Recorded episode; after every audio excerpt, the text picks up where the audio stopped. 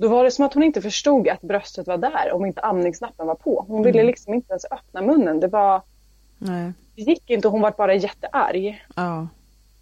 Så jag Mm. tänkte så här, ja ja, nu, nu blir det väl amningsnapp då. Ja. Fan.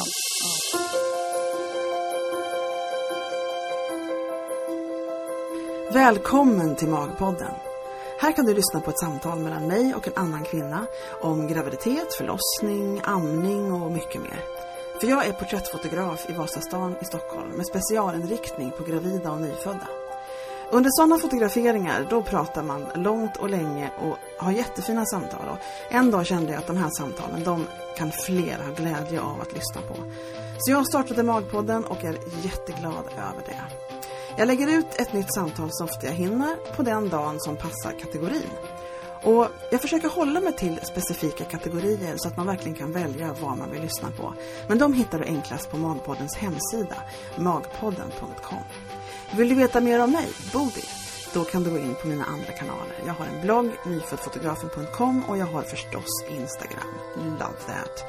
Så att eh, nu är det väl hög tid. Vi sätter igång med dagens samtal.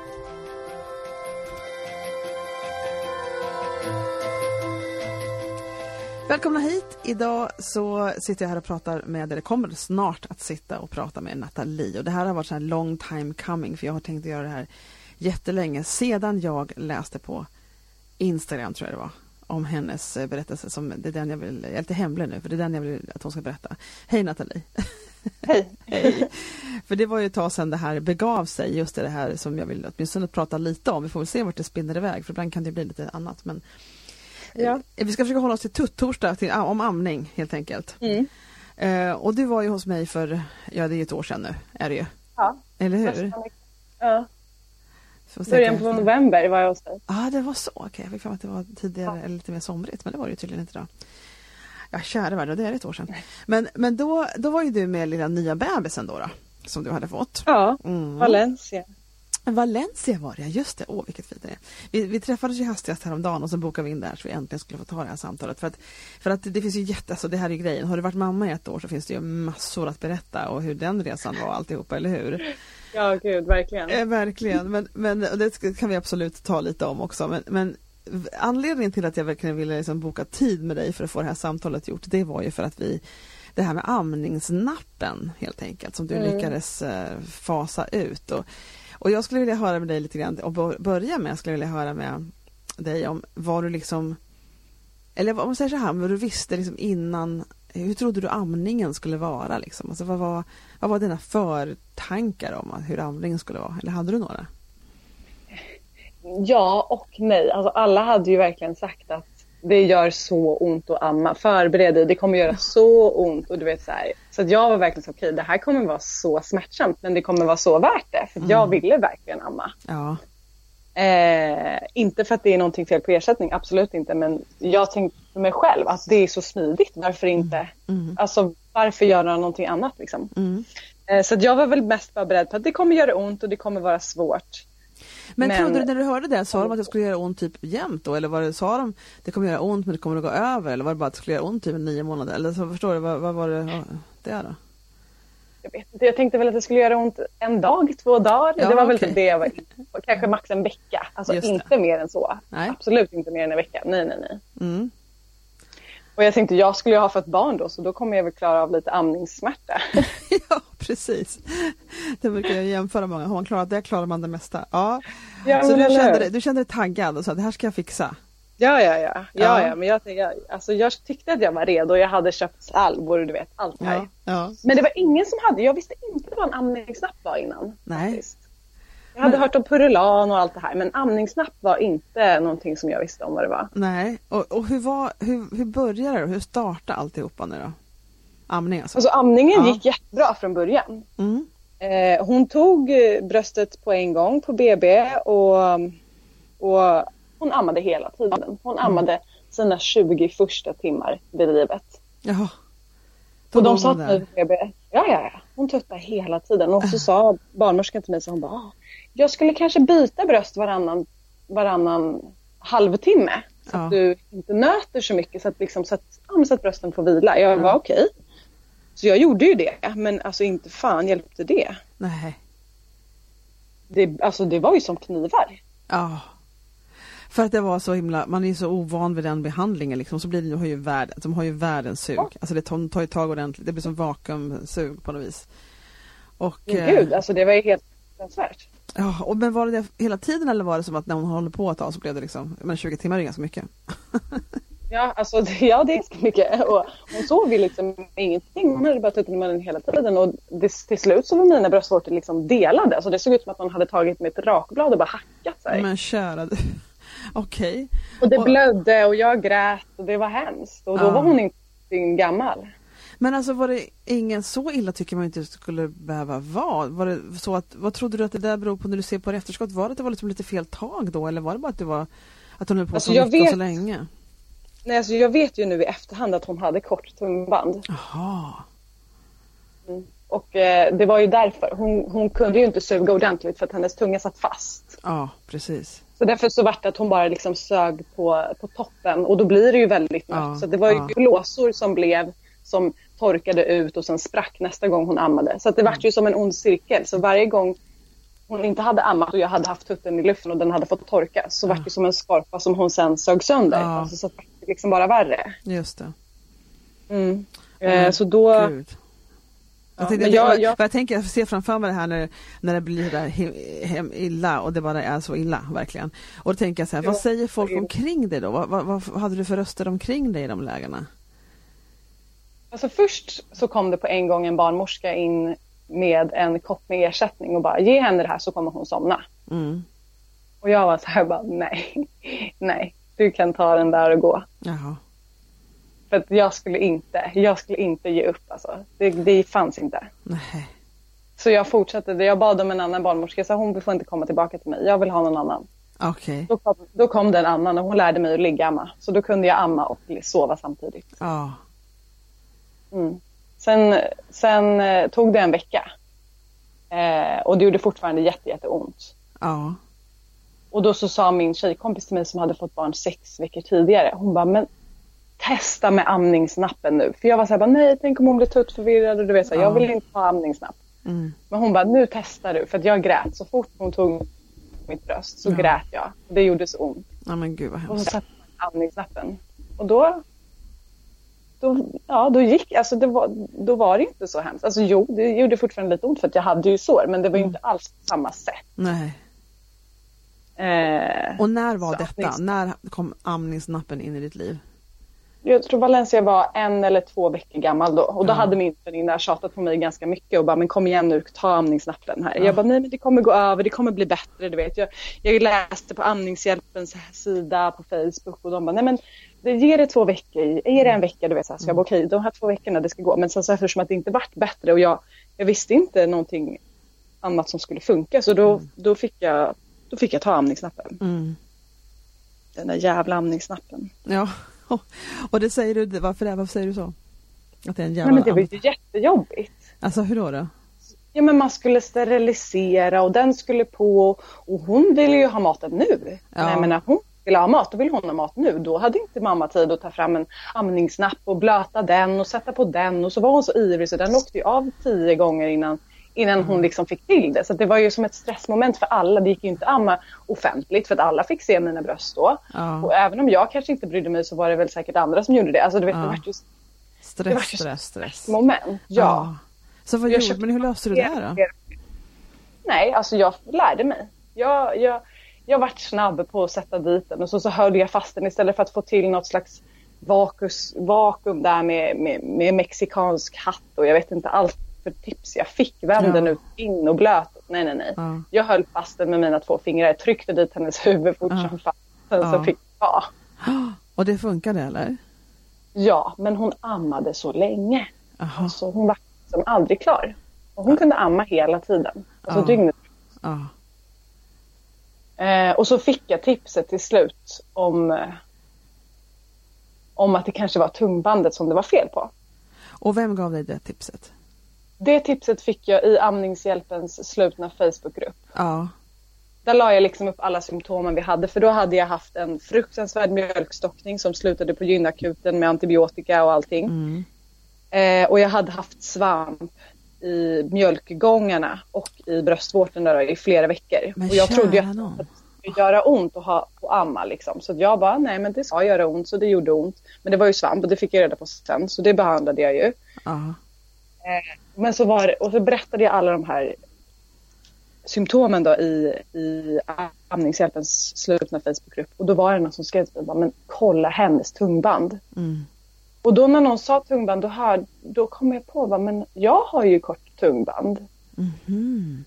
Och det är ju genetiskt. Så då var det så här, ha, okej, det var liksom som en liten lampa som tändes för mig där. Ja. Eh, så jag, ja, så att jag kontaktade ju en av de läkarna som är en av de få som faktiskt klipper i Sverige. Som fanns, Och som typ var nära oss. Jaha okej. Hon finns i Danderyd på Mörby, eh, i Mörby. Mm. Eh, har hon en öron, näsa, halsklinik som hon jobbar på. Mm. Eh, Amelie heter hon. Vi ska lägga en Eh, länk så- till henne sen, eller hur? På, på Ja. texten sen. Ja. Eh, så att, eh, nej, så jag fick tid där. När Valencia var fem veckor gammal. Mm. Och, och då hade jag, jag hade tagit upp det med våran BVC också. Då. Men hon var, hon var kort tung, bara nej men nej, det, det är inget konstigt. Nej, nej, nej, nej. Men varför säger ja, ja, men, det, men det är ju så, alla kan inte allt och, och det är Nej. det som är så otur att man inte kan, kan ha mer kunskap om det då, för det är det första. Ja. Jag tänkte, jag, nu gick det ju väldigt bra för mig så jag hade väl inga symptom att vara orolig över men jag tänker på det ibland att en del kämpar, du kämpar ju på länge också, fem veckor är ju inte någon liten tid när man ammar varje halvtimme. Eh, och, och så äntligen komma till någonting som kunde hjälpa, för det antar jag att du gjorde. Vad hände? Du tog den dit na, och hon sa bara, ja men absolut, det här är ett kort tungband, eller vad hände? Det var jättestramt, alltså det satt ju fast. Ja. Eh, hon fick ju knappt in sina fingrar liksom under tungbandet för det var så pass stramt. Mhm. Eh, så att hon klippte det på en gång. Och då, det var en ganska hemsk upplevelse för Jag tänkte, mig. det, det låter alltid lite läskigt det där när man hör att folk klipper tungband. Mm. Nej, alltså hon, eh, alltså jag fick ju hålla fast Valencia när hon gjorde det här och det var ju ingen bedövning att tala om utan det var ju fram med saxen och klipp. Och så var det liksom, det var klart det gick jättefort men, men jag grät ju mer än vad Valencia gjorde. Ja. Hon försökte förklara det för mig, men de är så små, de har nästan ingen känsla, det kommer inte vara så illa men jag var så bara, alltså, det här går inte. Jag, Nej. jag, jag vill inte. Nej. Men, det, men direkt efter så fick hon ju bröstet då, Ja. utan ja. Och hon tog det på en gång och det gjorde inte ont. Men va? Ja, Hur kändes det då? Vad tänkte du då? Jag tänkte på varför i helvete klippte de inte direkt på BB när jag, när jag satt där med mina blödande bröstvårtor. Ja, det förstår jag tänkte. För det kändes så klockrent. Bara, varför, ut, alltså, varför visste inte flera om det här? Ja. Men det var ju tyvärr inte slutet med amningsnappen där. För att, eh, för att hon hade ju blivit nästan som tuttförvirrad. Men hon... Det var just i den stunden när det var nyklippt som hon verkligen tog bröstet utan amningsnappen. Men Mm, nästa mm. gång jag skulle amma. Då var det som att hon inte förstod att bröstet var där om inte amningsnappen var på. Hon ville Mm. liksom inte ens öppna munnen. Det var... Nej. Det gick inte och hon var bara jättearg. Ja. Så jag Ja. tänkte så här, ja ja, nu, nu blir det väl amningsnapp då. Ja. Fan. Ja. Och hur var det med mjölken då? då? Alltså hur funkar det? Alltså jag hade ju väldigt mycket mjölk. Du hade det? Ja. Alltså jag kunde ju spruta ner min sambo som satt i andra sidan soffan. Okej, du hade en hel del då. För jag har nämligen Ja. hört det här att man ska helst fasa ut den där äh, inom två veckor. Det kan påverka mjölkproduktion. Jag tror det här är sant också, men jag tror däremot kan det säkert vara individuellt hur mycket mjölk man har och sådana saker. Eh, var därför jag undrar nu när du höll på, för du höll på ganska länge med amningsnappen och se hur det funkade. För jag tror att, Ja. eh, för jag, jag säger det ibland till, för det- många, jag träffar ju så mycket folk med nya bebisar och då, Mm. då, då till, säger jag redan när de tar fram amningsnappen liksom att jag frågar lite, jag vill ju inte på något vis pressa någon människa och kära värld, det är svårt Nej, nog ändå att få bebis liksom. Så jag Ja, ja. försöker verkligen vara finkänslig men, men jag, jag säger den här grejen till dem, bara så ni vet så är det så att, att mjölkproduktionen kan påverkas och det kan vara bra att försöka fasa ut den liksom. Och det, har, Mm. det har de aldrig hört något om och då tänker jag det är ju dumt det också att ingen har hört det liksom, utan tror att det här är bara lugna puckar. Men som sagt, jag tror det kan vara ind- individuellt kanske beroende på hur mycket mjölk man Ja. har, jag vet inte. Jo men absolut. Jag tror också att jag har fått höra att, eh, att man lättare får mjölkstockning om man använder amningsnappen för att barnet har svårare att tömma. Nu Ja. blir ju bröstet aldrig helt tömt men de har ju svårare att få ut all mjölk ur mjölkgångarna. Att det liksom Okej. kan ligga kvar lite grann för att det blir ju inte med samma kraft. Nej, just det. Just det. Eh, så att, och jag fick ju mjölkstockning lite då och då så att jag Mm. Skyllde väl mest det på amningsnappen faktiskt. Okej. När, när tungbandet väl var klippt och det Ja. fortsatte liksom Och Eh, hur gjorde mjölk- du då? Gjorde du så att du provade ibland utan, alltså hur, ja du, du ska berätta om din historia för du blev ju av med den till slut, det var det som var grejen. Ja, jo det blev jag. Ja. Jag försökte lite då och då men någonstans runt två och en halv månad där så, så gav jag typ upp. För jag kände bara, äh, nu får jag acceptera den här amningsnappen för den kommer ju hänga med. Mm. Eh, så det var ju bara, jag köpte på mig en jäkla massa amningsnappar så jag, hade, så jag bara behövde koka en gång om dagen. ja men det var smart. Ja. Så hade jag dem liggandes där, steriliserade och klara, redo att användas. ja. Amning, Eh. am- Amningsnapp, livet preppat. Ja, ja. Ja. 100 procent. Det var bara att acceptera. Så jag gjorde väl det. Men sen så någon gång så vart jag... Vid tre månader då kände jag bara, nej, nu. Det, det tar för lång tid. Jag har inte... Jag kände nästan så att jag hade inte tid. Ja, jag var mammaledig och jag hade inte mycket för mig. Men jag hade inte lust att sitta i soffan och amma hela Nej. dagarna. Det var så omständigt, jag förstå. Ja, jag förstår Mm.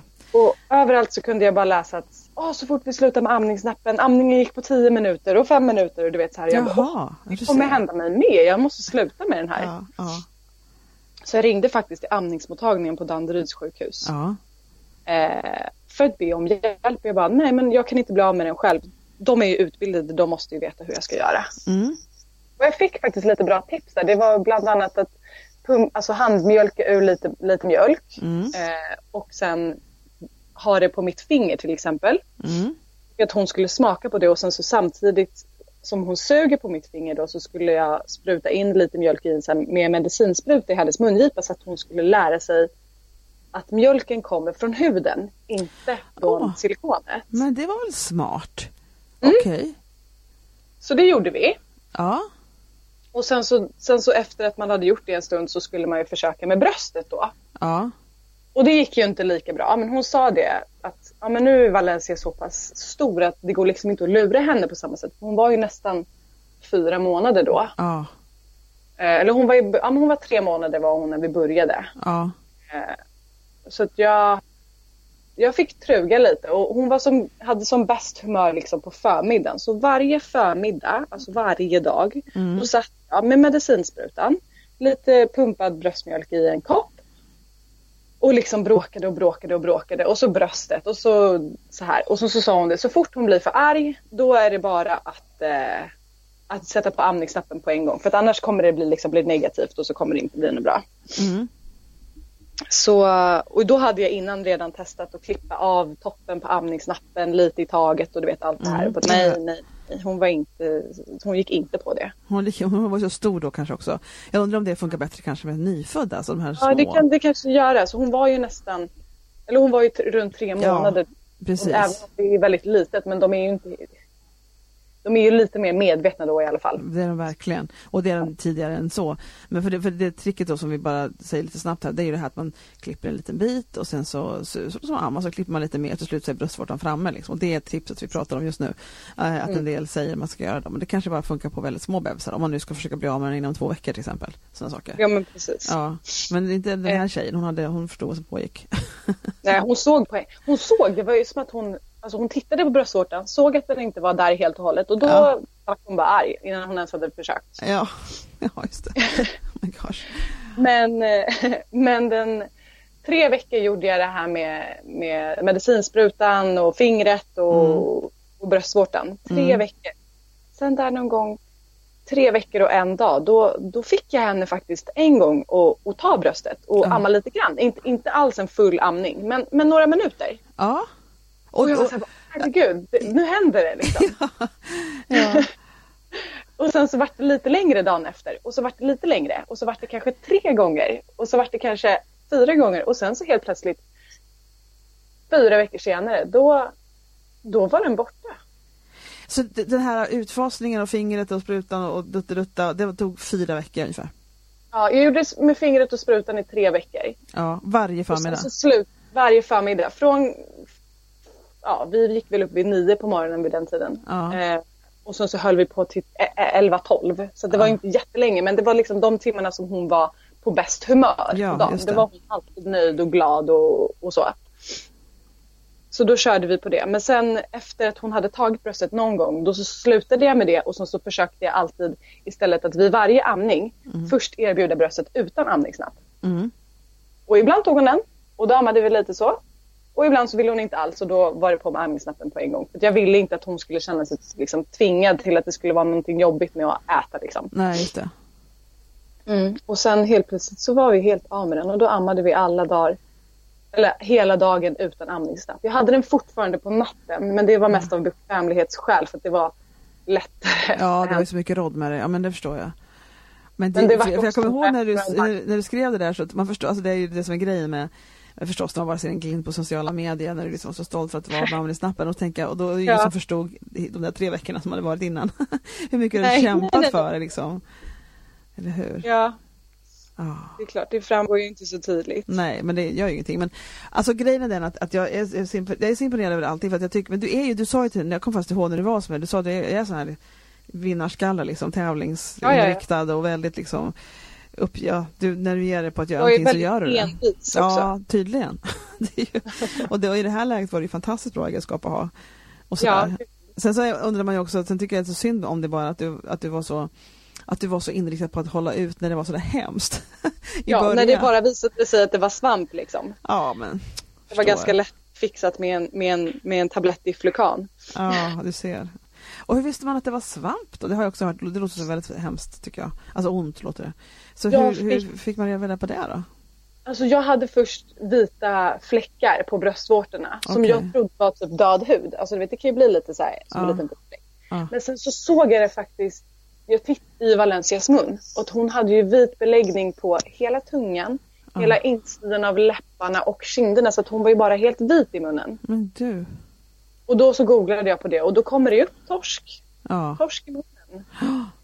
Kan ge svamp i brösten. Så det var ju bara, det var ju så himla självklart också. Men det är såklart, det är inte självklart om man inte vet innan. Alltså nu med, med nästa barn, då kommer jag ju veta det här innan och då blir det, Ja. det blir det ingen annan. Allt är lättare med andra barnet så är det ju. Men vad ska jag säga, vad, vad fick hon för behandling då? Hon fick eh, mykostat, mykostatin, tror jag det heter. Det är, en, det är en vit vätska som man eh, får på recept då, som jag fick pensla i hennes mun med tops fyra gånger om dygnet i fyra veckor. Oh my gosh. Ja, det var inte så jättekul. Men sen fick hon ju också behandlingen via bröstmjölken via den här tabletten som jag fick. Så Ah, att det var bara efter tre dagar så var det bättre. Men det är väldigt lätt att få tillbaka, att man swiftar varandra fram och tillbaka. Så jag beha- fick behandla henne i fyra veckor tills det verkligen skulle vara liksom helt dött. Okej. Men Men sen måste jag tillägga också att det vart faktiskt väldigt mycket snabbare att amma utan amningsvatten. ja, det var så. Det blev så alltså. Vi gick från 45 minuter till en och en halv timmes amningar till, till fem minuter per bröst. Och det, kände du, var den skillnaden med en gång eller? Den skillnaden kom med blixten. Det var, det var, alltså första gången jag ammade utan amningsnapp så var hon klar efter några minuter. Och du menar att hon, gick ifrån och kände blir- nöjd ut liksom? Sådär. Ja, ja, ja. Ja. Och jag var så här, bara, nej, men det här kan inte stämma. Nu Nej. får hon inte i sig. Jag bara, nu måste jag ha på amningsnappen igen. Så jag försökte igen med amningsnappen på och bara, här förlåt, liksom, du får. ja. Men hon ville inte ha, hon var ju mätt.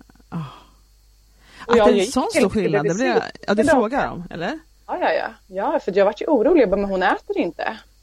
Och de bara, men det är ju för att du har tagit bort amningsnappen. Hon får ju i sig mjölken mycket snabbare nu. Am- amningsnappen var ju liksom som, en, som ett broms. Ja. Liksom på hastigheten. Den har ju bara fyra hål. Brösten kan ju ha upp mot 16 utgångar eller något sånt här. ja, just det. Så det är klart, det var ju som att öppna en kran. Liksom. Det är någonting som inte jag har hört mycket om, att det är så pass mycket långsammare. Men det är klart, det låter ju extremt logiskt när man pratar om det nu. Eh, Men Ja, ja. det, är också någonting som, som inte riktigt framgår. Eh, Nej, det man- kan säkert också vara individuellt. Alltså, vissa Ja. barn tycker om amma länge och andra inte. Men, men för oss var det en väldigt stor skillnad i alla fall. Men då måste du känt extremt lättad. Ja, gud jag hade så mycket tid. Ja, Jag hade så mycket tid. ja, Det var, det var helt otroligt. Nej, jag, jag fick ett helt annat mm, mammaliv. Liksom. ja. Men gud vad Hon skönt. sov och jag kunde göra saker. Annars så sov hon ju bara med bröstet i munnen för att hon snuttade konstant. Hon började ta napp. Bara en sån grej. Mm. Gjorde så himla mycket. Efter hon blev av med amningsnappen menar du? Mm. Just Hon det. hade fortfarande det här sugbehovet. Ja. Men hon behövde liksom inte... Ja, hon ville ju inte fortsätta snutta på bröstet för där kom det ju massa mjölk. Så då liksom kunde man stoppa in en napp istället. Och då helt plötsligt så hade jag ju arma- armarna fria och kunde plocka ut en diskmaskin. Ja. Eller något. oh joy. Ja, verkligen. Men det är otroligt. Och så, så nu är vi inne på fyra månader, eller hur? Eh, av hennes ålder alltså, fyra månader in i mammalivet. Ja. När amningsnappen slutligen är Mm. borta kan man säga då, eller håller på där. Äntligen. Eller Ja. hur? Och det, och det är liksom som att, och så tänker jag så här när, man, när du kämpar på, för du har ju kämpat på extremt mycket. Ibland har man ju inget val, man kämpar ju på bara för man måste liksom. Men, men alltså, för du ville ju ha någonting bättre, du kände att det här håller ju inte, jag kan inte hålla på så här. Men eh, vad sa din man hela tiden om det här? Och vad, vad hade han för input på alltihop det här? Vad tyckte han? Han måste ju tycka det var skitjobbigt när du hade det så svårt. Jag vet inte, jag, jag, tror, jag, jag uttryckte kanske inte att det var så svårt. Nej, okej. Eh, Jag tror, jag tror inte att, att det var någonting som jag speglade utåt. Jag tror kanske bara att det var mer en känsla som jag hade, att jag kände mig låst. Mm. Eh, men absolut inte på grund av amningen utan mer på grund av amningsnappen. För amningen var någonting som jag älskade jättemycket och, och, och kan sakna idag. Mm. Eh, och jag längtar jättemycket tills jag ska få amma den här nya lilla bebisen. Ska du ha en ny bebis? Ja, jag sa jag inte det. Nej, det sa Ja. du inte. Faktiskt. Men du vet. att Du är moder du alltså, jag säger bara. Det är inte som att du väntar i tre år. Nej, jag gör. Men vet du, jag tänkte så här. Att sociala medier och allt det här. Ja. Det kan inte alltid bara vara solskenshistorier. Och man måste få vara ärlig med vad som faktiskt händer i livet. Att, ja, jag hoppas självklart att det här ska gå vägen och, och, och, så. Allting så. Ja, ja. Men gör inte det så, så måste man ju få dela med sig av det också. Ja, det tycker jag också. Det borde vara mer sånt. Men det är därför jag också vill ha den här, den här podcasten, för jag vill också att folk ska berätta sina riktiga historier. Så det inte bara blir det här lighta hela tiden. Liksom. Och för det finns så Mm. många, alla har ju de här historierna då kan man känna sig väldigt ensam om man aldrig får höra någon annans liksom, Nej, kämparhistoria. Liksom. Utan det blir så himla glatt allting. Och, och det är lite jobbigt Ja. för det är tungt att ha bebis. Liksom. Det, och, det, och det kan ju räcka utan att man både har svampinfektion och allt annat vad det var. Det är jobbigt i Ja, alla- alla fall. Liksom. Och då kan Ja. man ju få höra om de här historierna tycker jag, så man inte känner sig så ensam i, i, i, Ja. i träsket som det kan kännas vissa dagar. Sen har man ju kärleken och det här glada också. Det, det här går ju parallellt och lite i vågor. Ja. Ja. Mm. Men just föräldralivet på sociala medier måste, tycker jag borde vara lite ärligare. För det är väldigt mycket glitter och glamour som kanske inte alltid existerar. Nej, och verkligen inte. Pro- Procenten är ju högre på det resten. Det kommer ju ibland de här Ja, men, dagarna, eller jag tror, inte ens, jag tror inte ens det kommer dagar, men det kommer stunder när allting faller på Mm. plats och det är verkligen så. så. Men det är ju en liten Ja. procent med tanke på hur det ser ut på sociala medier. Så är det ju. ja men precis. Ofta är det fettigt hår, lite spya här och Mm. mat på golvet. Och frustrationen och, och mycket som Ja. händer i känslorna som inte alltid är så lyckligt. Liksom. Det, och, det, och det här tycker jag vore, det är så bra att du säger Nathalie, för, att, för jag tycker för det här är normalt nämligen. Det, så här är det liksom att få, få barn. Mm. Det, det, det finns väldigt extremt eufori och lycka och kärlek och sen så parallellt med det så kommer mycket frustration och svårigheter och elände. Men och, och, och de, de, det finns både och och det är inget som förtar hur mycket man älskar sin bebis och det, är inget som, det, det har inte med det att göra. Det bara samexisterar Nej. liksom. Och, men det är svårt att förklara det och då kan man känna att man, jag kommer ihåg mycket väl att jag kände att att man, folk kunde tro att man liksom inte ville ha sitt barn ungefär. ungefär. För en del dagar var man, så, jag i alla fall var så ledsen, det var så jobbigt. Och det var väldigt svårt att förklara det och samtidigt vara en kärleksfull förälder. Framstå som det. Och det. Men det är ju verkligen Precis. precis så det är, den kombon är, så är det för alla. Och det är precis som du säger, så vore det bättre Mm. om fler berättar om det. Så man inte behöver känna sig så ensam. ja, nej, men den här historien är så det är himla lätt bra. Men, att känna sig ensam i världen. ja, och, och liksom lite hemsk sådär, för man är inte alltid glad Mm. när man har bebis. Mm. Och det, det tycker jag vi Ja. kan säga till folk att det, det finns faktiskt med det här hela tiden och det, det är bara en del av föräldraskapet, framförallt nytt föräldraskap. Men visst är det så att det blir bättre och bättre. Nu hade du mycket att kämpa med ganska länge där tycker jag, lite för länge, Ja. det var lite oturligt tycker jag. Men, men visst blir liksom själva mammalivet liksom lättare och lättare med tiden. Alltså jag tyckte inte att det var jobbigt ändå. Då. Mm, Alltså det är mm. klart att det var inte det var inte helt fantastiskt hela tiden med amningsnappen och det. Men samtidigt så älskade jag fortfarande mammalivet och tyckte att det var väldigt, att det föll mig väldigt naturligt. Mm. Eh, faktiskt. Men alltså jag kan ju säga så här att idag eh, så känns det ju mycket lättare att gå utanför dörren och känna att jag klarar det här helt utan problem än Mm. vad det kanske gjorde för tio månader sedan. Ja, men så är det ju. Då var man ju lite så här nervös och gud har jag med mig allting kommer jag överleva? Ja, just det. Idag är det ju lite så här, ah, okej, jag köper det jag har missat. Alltså, Ja, lite Man- så är det. Det blir, lite, det blir mycket, ja, allt, det blir ju rutin. Det blir en annan, man är mer, mer erfaren och allt känns mycket lättare. Och sen så blir, sen går ju barnen igenom en del sådana utvecklingsperioder när de kan bli otroligt, som runt vid tre månader och där de kan bli så här jättejobbigt för de bara klänger och gnäller jämt och sådär.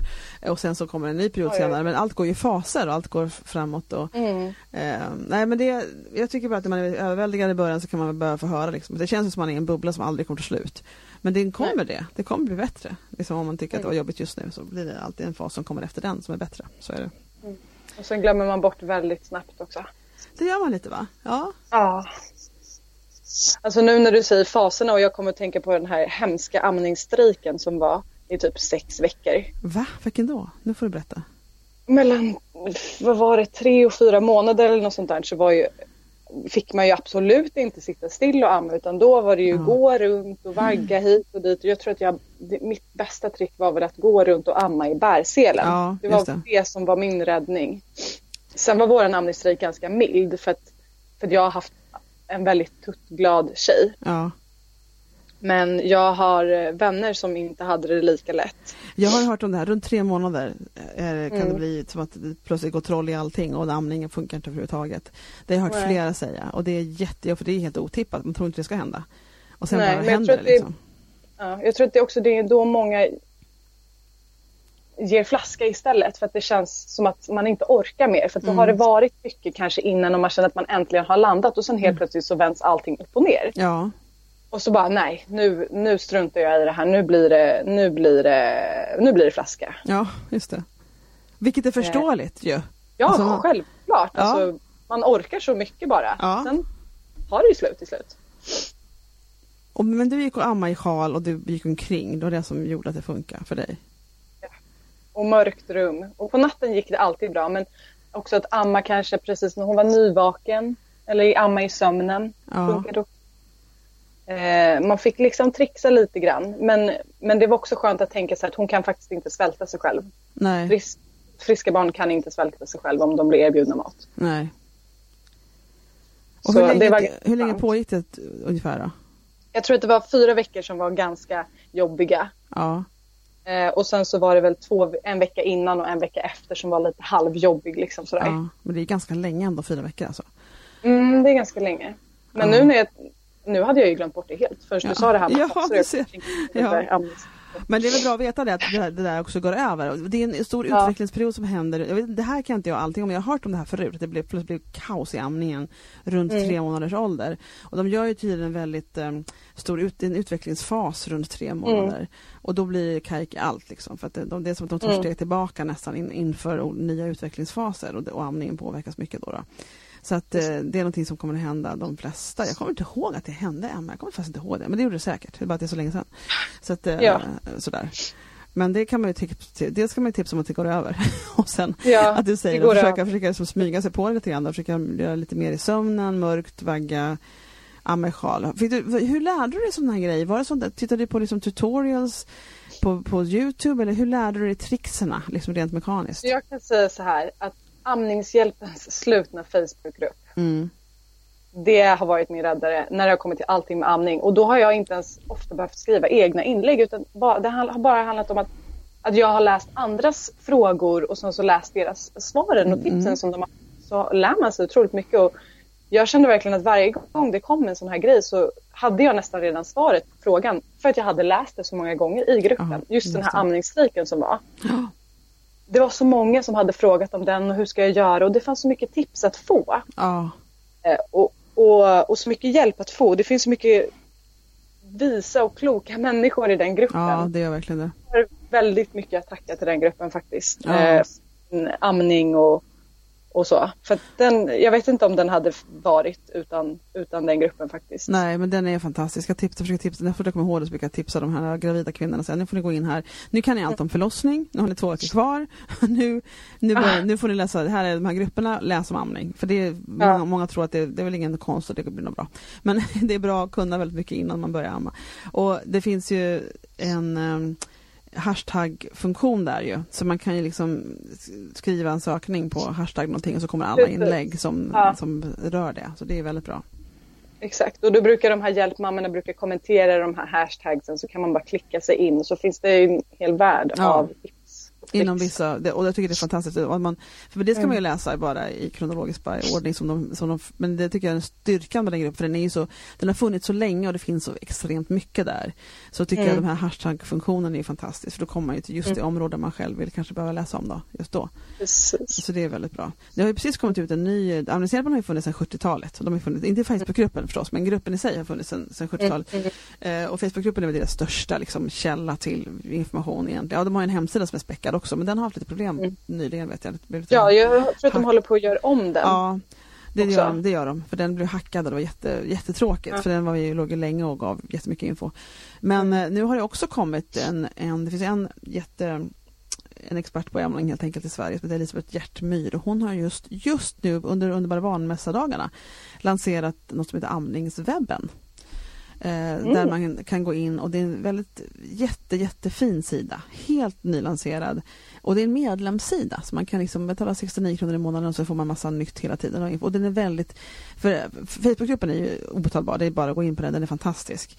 Eh, Handlingshjälpens hemsida är späckad men kan vara lite svårnavigerad tyckte jag, men det håller de på att fixa nu tror jag. Men mm. den här sidan är så lättnavigerad och så fantastisk så den är jag jätteglad att kunna tipsa om. För Amningswebben. Mm. Ja, jag får gå in och kolla den. Gör det, hade... kika på den. Kika på den. Mm. Ja men gud alltså det, det, är så bra att du berättar om allt det här. Du har ju verkligen hunnit med ett, ett gäng av olika olika problem i amningen. Ja, det kändes som att jag fick allt. Du fick mycket i alla fall. Ja, men du fick ju nästan. Vad fanns det mer? Svamp och möjligtvis det finns bölder man kan få. Fick du någon sån? Ja, precis. Nej, det fick jag faktiskt inte. Det jag fick fem, hel, helvetes mjölkstockningar fick det i alla fall. Ja, just det. Ja, det kan ju Jag bara hade en liten smyg sån. Så jag, jag var ju verkligen, jag levde i skyddad verkstad nästan när jag körde min amning. Så att, eh, men det är bra att du berättar om det och så tycker jag det är så himla kul för du har ju verkligen kommit ut på andra sidan och du liksom lyckades, eh, du hade ju du kan ju verkligen tipsa om saker man kan göra och kolla, kolla efter. Mm. Så det är så bra att vi kunde berätta den här historien tycker jag. Det här med tungbandet, alltså den måste ju ut mera till allmänna grundkunskapen för att det är jag har ingen aning faktiskt om, vet du det? Om det är någon statistik på det, hur många det är som har tungbandsproblem, vet du det? Eh, jag har faktiskt ingen aning. Jag tror att det är vanligare än vad man tror. Det är det jag känner också, så då undrar man om man eh, liksom... Jag tror att många som har amningsproblem och så, mm det kan faktiskt ligga i ett tungband redan från början och jag tror att om det fanns mer alltså information om tungband inom mm. vården så mm. tror jag att mm. många fler skulle kunna amma längre och ja. att många fler skulle kunna amma. Bara ja. liksom så. Eh, men det finns en jättebra grupp som heter Svensk stödgrupp för kort, tung och läppband som är en mm. grupp på Facebook tror jag att den heter. Så. Okay eh, som är där man kan gå med och få stöd och tips och vart man kan åka för att få det klippt och de kan hjälpa en så kan man bara lägga upp bilder där på sin, sin bebis då, tunga. Mm. Så kan de se på en gång om det är ett kort tungband det handlar om eller inte och liksom få hjälp via den gruppen. För det var, det var de som hjälpte mig. Först via Amningshjälpen då som tipsade om den gruppen. gruppen. Just det, just. Och där så jag fick liksom direkt, okej okay, det finns en läkare, hon heter Amelie, hon finns där, åk dit. Ja. Och, eh, ja, och sen så finns det även att man kan, man kan klippa utomlands och så för det kan vara lite svårt att få tid här i Sverige och remiss och så. Mm eh, men jag, jag önskar själv att mitt tungband var klippt. Jag upplever massa svårigheter med det nu i vuxen ålder med, mm. med spänningar och huvudvärk och så. Jaha, eh, really? Ja, då är det verkligen det är ingenting något att tveka som följer hela livet. Jag förstår, så det är ingenting man ska tveka att göra liksom egentligen om man Nej, ser att det så även om det, det Ja men precis, även om det är jättejobbigt i stunden och det var hemskt. Mm. Eh, så i längden, Valencias tal och för att hon ska kunna äta ordentligt och, och så här och mm. utvecklas med tänder och, och allting som det handlar om så, så är det ju värt det i längden. Ja, ja just det. Och så hade du sluppit alla de där hemska såren, gud vad hemskt. Ja, ja men, men eller hur, det så onödigt, verkligen. Men alltså det här var, tack så jättemycket för din tid och för den här historien, för det här kommer att vara jättebra för flera att lyssna på. Framförallt det här att man kan ja, komma i, ja men det, det är verkligen, det är helt övertygad om. Och, och så att man får veta lite vad man, vad man kan göra åt saker. Vi ska länka till den här ordentligt nu då. Både grupperna vi pratar om, lägga texten mm. i blogginlägget på magpodden.com och så ska vi ta och lägga in det där så folk lätt, mm. lätt kan komma fram dit de ska. Men vad mm. bra, vad kul. Tack för att du pratade Nathalie. Tack för att jag fick prata med dig. Jätteroligt. Tack själv för att jag fick dela med mig. Ja, vad roligt. Men då får du lycka till nu då med nästa lilla bebis. Ja, Åh, kul! Ja, det kommer nog få se på den också. Vad är det för, eh, vad är det för datum på den då? 20 juni. 20 juni. Åh. Det är långt kvar. Ett sommarbarn då? Fick du Ja. vinterbarn och sommarbarn?